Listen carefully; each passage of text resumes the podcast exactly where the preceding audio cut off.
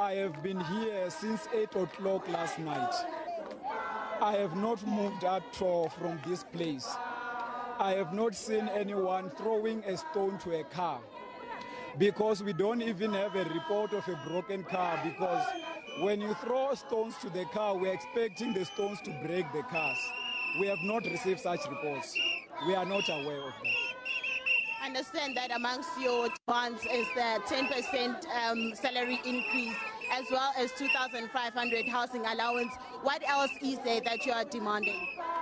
We are also demanding that uh, GEMS, which is the medical aid that covers uh, the workers, must uh, be affordable because we have started to realize that among other things GEMS is becoming gradually unaffordable to our people.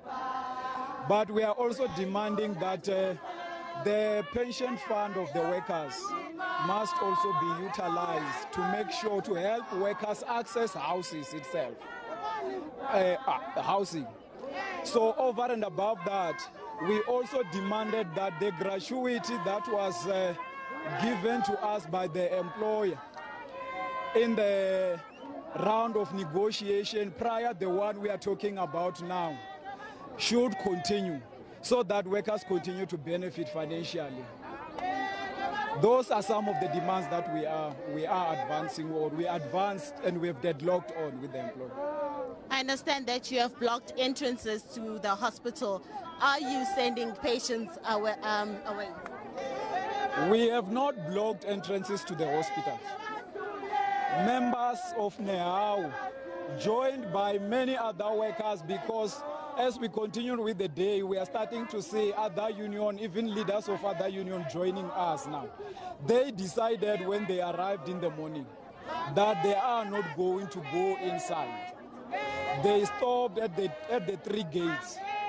Then uh, most of them started to move to oth- from other two gates and giving attention to gate six.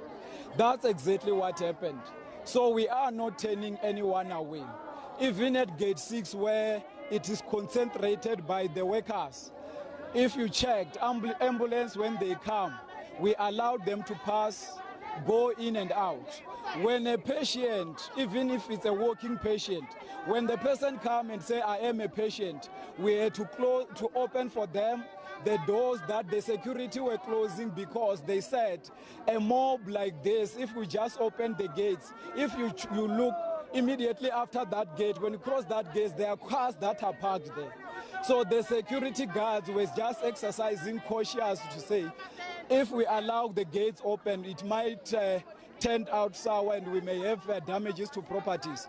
Then securities together with the members and the shop stewards of Nehau in this institution, they were opening for every patient, any patient to access the hospital.